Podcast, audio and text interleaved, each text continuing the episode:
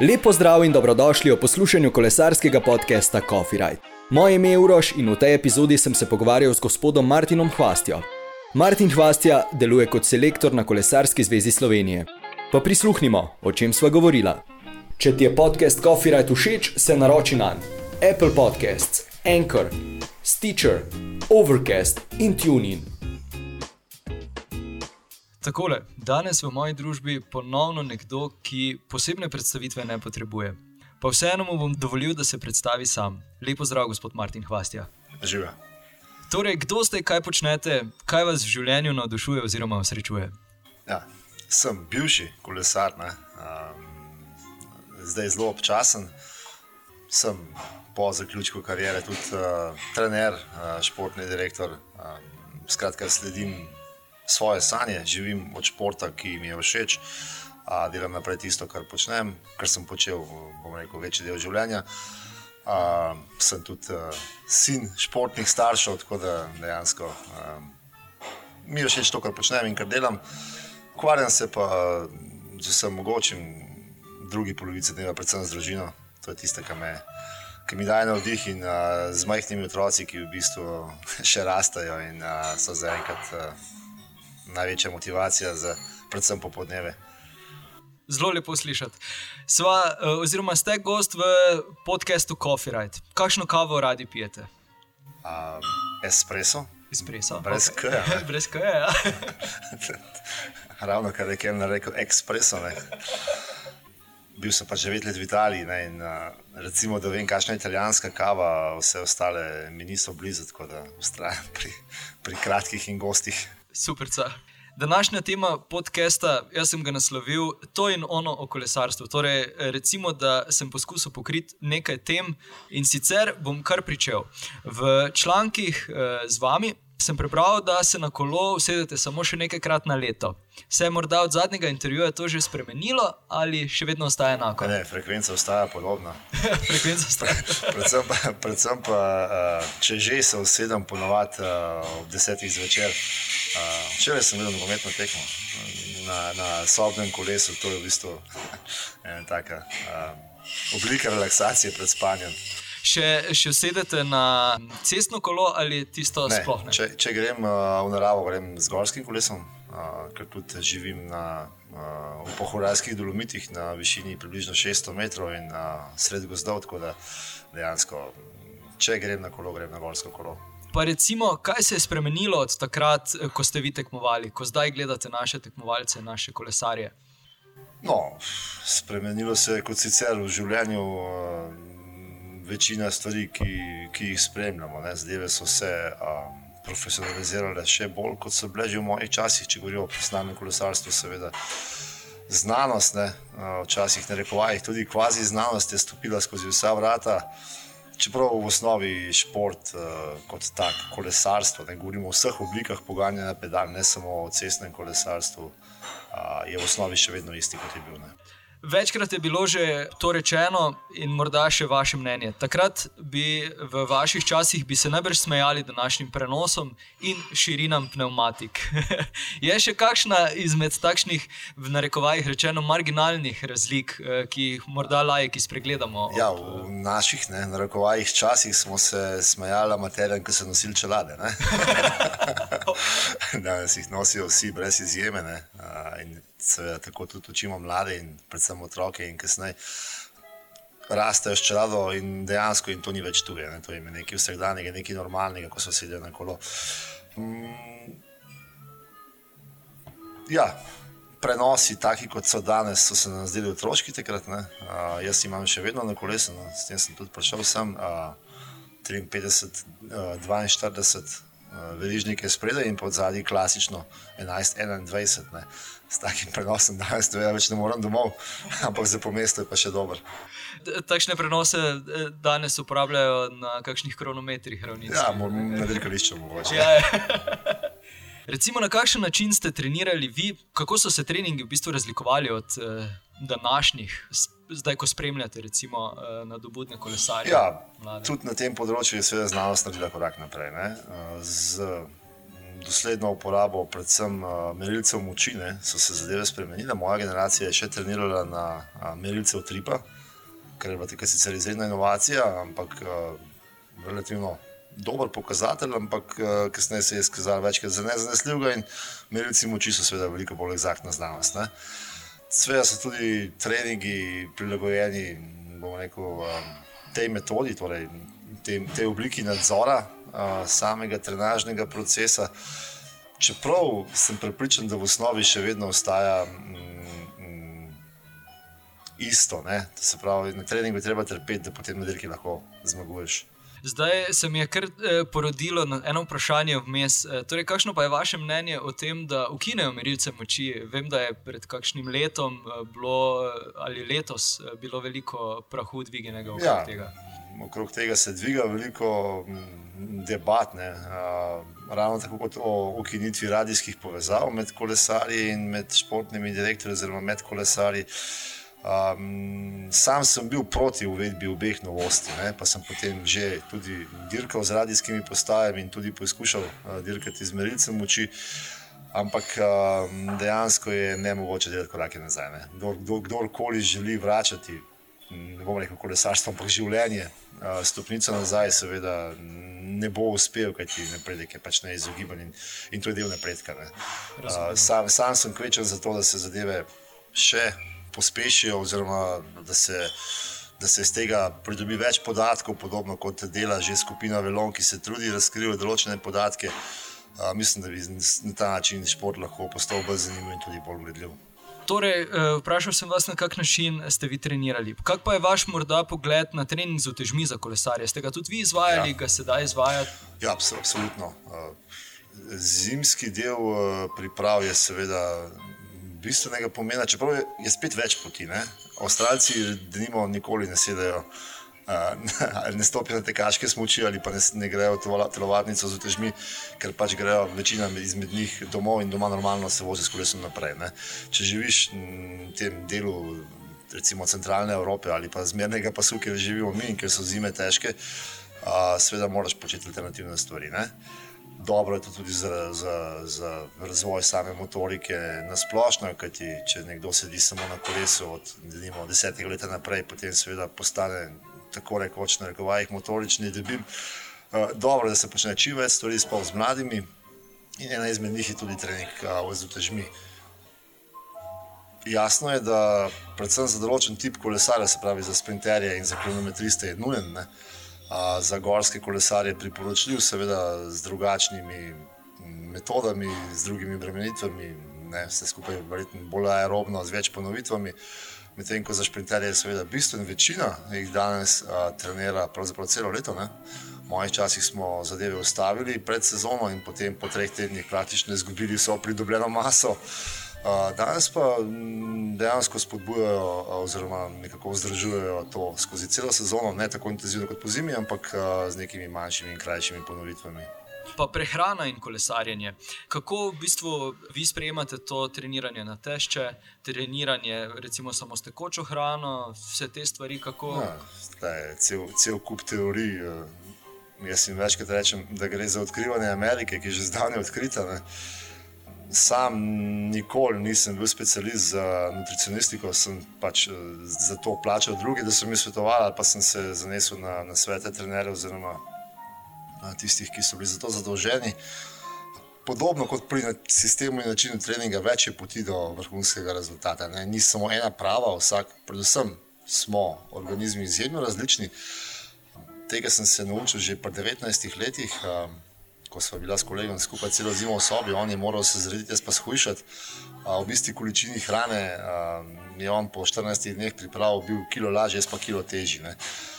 Tako da metabolizem in izkoristek, predvsem izkoristek je izjemno različen pri posameznikih, zato nikoli nisem zaupal preračunavanju vnosa kalorij v številkah, ampak gre za to, da se znaš opazovati, da znaš opazovati svoje telo in odzive na to, kar vnašaš, ne, če govorimo o prehrani kolesar, ki redno in veliko trenira, se ne sme rediti. Na dirkah je to skoraj nemogoče, če se redi, potem je nekaj narobe. Ne? pripravljalnem obdobju pač tisti, ki so nagnjeni k debelosti, morajo izredno paziti, nekateri pač manj. In uh, vsak mora pri sebi ugotoviti, kaj je pravilni in, in pravi odnos. Kar se pa tiče razlike med tekočo in um, gostno ali pa solidno hrano, uh, je v bistvu ne vidim. No. Uh, predvsem se mi zdi, da je tle ta kvazi znanost ali pa komercijala naredila izjemno močan vpliv. Cel kup stvari se proda, ki so seveda zelo drage. Če so, seveda, če so zelo, zelo drage, potem ponovadi tudi pomagajo. Ne? Um, ne, pač gre za učinek, ki, ki, ki ga iščeš, potem seveda v tistem, kar drago plačaš. Ne? Ampak mislim, da se da zelo, zelo, zelo veliko narediti tudi z iskanjem. Vem, čim manj predelane, čim bolj naravne hrane, je pa to težje. Predvsej, predvsej težje in manj enostavno kot pa nekaj kupiti, pa čeprav drago. Ne morem mimo tega, da ne bi omenil uh, uspehov naših kolesarjev na letošnjih dirkah. Čemu bi pripisali ta fenomen? Ja, ne gre samo za rogliča in za pogačarja. Ne? Absolutno ne. uh, čeprav bi začel z njima, ne? gre za dva izjemna talenta, dva različna fanta, dva različna kolesarja z različnim pristopom in z različnim uh, odnosom do, do tega športa. Uh, ampak uh, v obeh primerih gre za to, da, da sta odkrila v sebi izjemen talent, torej uh, naravno danost, ne, ki jo potem seveda sta uspešno tako ali drugače izkoristila. Um, Luka Mezgec, nažalost, poškodovan, Matej Mohorič, tudi Simon Špilak, še ne na zadnje, še vedno aktiven in zelo vrhunski kolesar, pravzaprav tisti, ki je fante v zadnjem obdobju usmeril v vrhunskost. Ne. Jan Polanc, da koga ne pozabim, res verjetno ne zlata generacija. Ker se ukvarjam z mladimi in ker se tudi moji kolegi na Kolesarski zvezi ukvarjajo predvsem z mladimi, nas žalosti, da v zadju takih še nismo našli. No, vedno se še seveda, še seveda obstaja možnost, da kakšnega še izbrskamo, ampak zaenkrat jih ni na vidiku. Ne? Tako da upam, da bo ta generacija res trajala čim dlje. Povezano s tem je kolesarjenje sedaj v Sloveniji v zelo velikem razponu, razmahu, kakorkoli bova rekla. Pripisujeva tole popularno zaradi uspehov športnikov, kaj ne? Ja, čeprav ravno o tem smo zadnjič debatirali um, s tistimi trenerji, ki se ukvarjajo z najmlajšimi. Ne? Ni čutiti uh, kakšnega pretirano povečanega uh, interesa za opis pri mladih. Ne? To se mi zdi splošen problem uh, slovenskega, bom rekel, narekovaj, rekreativnega športa, ne samo kolesarstva. Ne.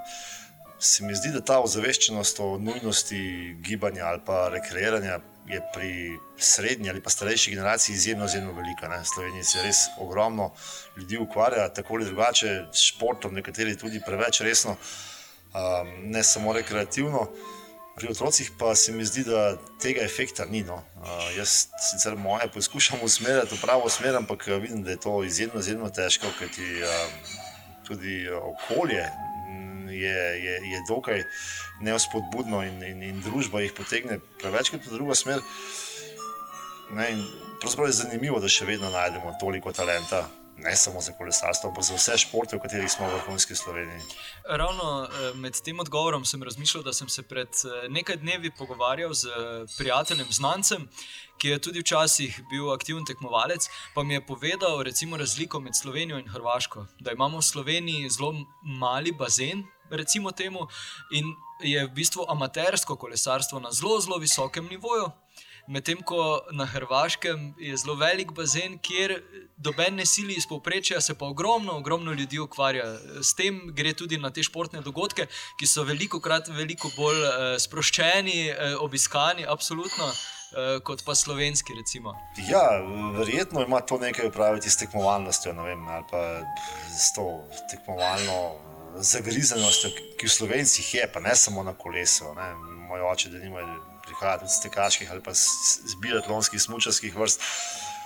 Pa tudi, tudi tam opažam nevrjetno veliko izjemno tekmovalnih, tekmovalno usmerjenih rekreativcev na rekovajih, ne, ki se želijo imenovati amaterji. Tako da ja, ne, ne vem, odkje je to. Ne. Tudi nedavno sem govoril s kolegom Nizozemcem, pri njih se seveda vem, 45 odstotkov ljudi vozi na delo s kolesi na ta način rekreirajo, torej v, v, v gvantih, ne, v oblekah in v srajcah. Pri nas pa, pa če, če nimaš kolesa za 8000 evrov in opreme za še nekaj dodatnih tisočakov, sploh ne greš na kolona. Pristopi so različni, ampak no, Slovenci smo usmerjeni v to vrhunsko rekreacijo. Nezadržno se približuje, kako bi napovedali letošnje svetovno prvenstvo v Yorkshireu. Ja, mm, za, za razliko od lanskega leta v Innsbrucku, kjer je bilo izjemno, izjemno težko in praktično uh, namenjeno specialistom za najhujše klance, uh, ne, na rokovajih na veliko žalost uh, slovencev, spet sprintersko svetovno prvenstvo. Prvenstvo, ki je na papirju sprintersko že od samega začetka, ki je Yorkshire, vendar ni gora ta država, ampak bolj kot ne valovita. Čeprav krok je dovolj tehničen, na koncu tudi verjetno dovolj težak zaradi dolžine, recimo profesionalne dirke 100, 280 km, tudi vse ostale so 20 do 30 km daljše discipline od sicer dirk v posameznih kategorijah. Tako da bo selekcija zagotovo primerna svetovnemu prvenstvu, ampak ja z veliko žalostjo lahko ugotavljam, da je Luka Mezgec poškodovan. Bi si upali napovedati koga kot zmagovalca ali pa vse, da bo stopil na stopničke? Peter Sagan je lani oblekel um, rožnato majico v Alverdu in mu je na odru rekel, da mu je samo posoja. Predtem je nosil tri leta, tako da zagotovo je eden izmed glavnih kandidatov. Čeprav vsaj v zadnjem času ga ne vidim v vrhunski formi. Vam pravim, da pač treba biti v vrhunski formi, če hočeš biti svetovni prvak.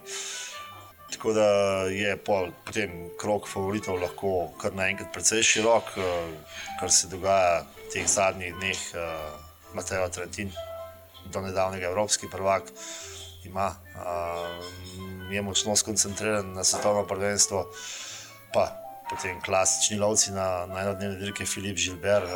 Tudi Vanderpool, nizozemec, ki je svetovni ciklokros in gorsko kolesarje, cross country, svetovni prvak.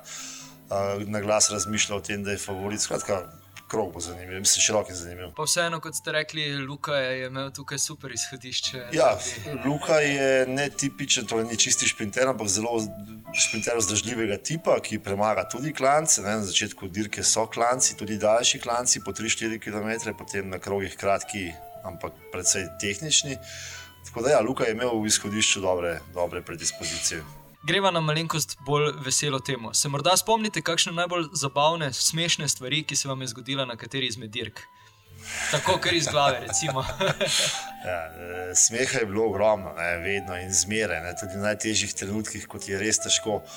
A, in ko gre praktično za vprašanje preživetja, je na koncu ali pa vsaj potem zvečer v hotelu, vedno smeh na, na vse mogoče bolečine, prestane muke in na. na na, na vsa odrekanja in na, na, na vse, kar je. Pravzaprav je smeh tisti, ki večino kolesarjev, vse tisti, ki sem jih poznal, drži po konci. Pa res, da tega je že toliko časa, da kakšne posebne epizode se ne spomnim, ampak uh, ja nič koliko da je bilo momentov, ki, za katere smo kasneje trdili, da so nam vzeli vsaj deset let življenja, ne? pa smo še vedno živi. Ne? Ste še vedno živi, super. Ker bo v enem izmed naslednjih podcastov tudi tema o tem, kakšno je vaše mnenje o fittingu kolesa. Je morda v narekovajih to samo plasivo? Ne, so se stvari mislim, izkazale za dobre. Kolo ne, je seveda potrebno nastaviti. Ne? To ni neka novodobna pogruntavščina, ki se zdaj reče fitting, ne? ampak gre enostavno za nastavitve kolesa. Ne? Vsak človek ali kolesar je morfološko različen in seveda tem specifikam je treba prilagoditi potem tudi napravo, ne? da mu temu rečemo sede med noge. Ne? Če seveda želiš iz naprave izkoristiti maksimum, oziroma jo poganjati z veliko hitrostjo, ker si na kolesu želimo, potem je treba zadeve prilagoditi. Včasih um, smo to počeli tako, z metrom, vodno tehnico in, uh, in uh, plajbo, ko se reče po slovenski. Tudi jasno. Danes pač obstajajo bolj sofisticirane metode. Uh, zdaj, kar me dejansko moti no, pri teh um, novodobnih nastavitvah je to, da večina a, seveda a, gleda samo izkoristek, moč, a, aerodinamiko, najboljši seveda tudi upoštevajo. Nepodobnosti. Ne? Se pravi, prvi pogoj za to, da nekdo lahko šest ur sedi na kolesu, je udobnost. Torej, če se ne počutiš udobno, potem tudi ne moreš seveda, dolgo časa v določeni poziciji ustrajati. Ne? In predvsem, ne, predvsem, kar opažam pri rekreativnih ali pa občasnih kolesarjih, je, da jih ima večina previsoke sedeže. To je trend zadnjih let, ki mislim, da se dodatno stopnjuje. Vsak, ki kupi novo kolo in ki se a, tako ali drugače a, ali doplača ali pa pos, pos, sam posveti nastavitvam kolesa, ima previsoko nastavljen sedež. S, takšnim, s tako višino, seveda, ni možno zdržati dlje časa, je pa res, da na kratek rok so, je oddana moč, torej vati so višji, je pa res, da na, na daleč pa ne gre. Ne. Razumem. Tako le pri koncu sva. Kak bi bil vaš ultimativni kofirajt, oziroma trasa, ki se je spomnite, da ste jo prekolesarili, pa bi jo še delili z ostalimi, ker vam je ostala tako spomin? Ja, zdaj uh, tiste trase, ne, uh, ki smo jih vzeli za kofi, rad ponovadi niso bile uspešen trening. uh, je šlo bolj za dneve, kot se rečemo, temu razpeljevanja, ne, torej razpeljavanja ali pa razpeljevanja za, za, za dneve počitka, ne, ko greš na kolo samo zato, da se noge obračajo in takrat seveda se obvezno staviš na kavi. Ne. Ampak uh, ja, od vseh teh. Uh, poti dejansko mi je ostala najbolj v spominu tista iz recimo, Alsta ali pa iz predmestja Genta v središče, mestno središče Genta. V Belgiji sem kot profesionalni kolesar preživel veliko časa, predvsem spomladi, ponovadi mesec in pol. In seveda na vse proste dneve, če seveda si uspešno predtem zaključil dirke in treniral, potem si imel kakšen dan, tudi prosti dan, smo šli vedno v Gent. Ne. In uh, te izleti so mi ostali res v spominu. Gent je nevrjetno prijetno mesto, sploh za posedanje na soncu, marca ali pa sredini aprila. Uh, živo, kolesarsko mesto, študentsko mesto tudi in uh, dejansko uh, bi ga priporočil vsem. Odlično, odlično. Za konec še morda samo kakšno poslu, eh, sporočilo poslušalcem in pa seveda zahvala z moje strani, da ste si vzeli čas za ta pogovor. Sporočilo. Recimo, na svet, karkoli. Uh, ja, vzemite si čas za uh, posedanje ob kavi in za, za zmerno kolesarjenje, torej za coffee right. Super, najlepša vam hvala. Hvala. Gospodu Hvasti še enkrat hvala za prijeten pogovor ob kavici. Mi se ponovno slišimo prihodnji petek. Copyright je na voljo na skoraj vseh podcast platformah: Apple Podcasts, Anchor, Stitcher, Overcast in TuneIn. Trikrat vojni ve.copyright.com.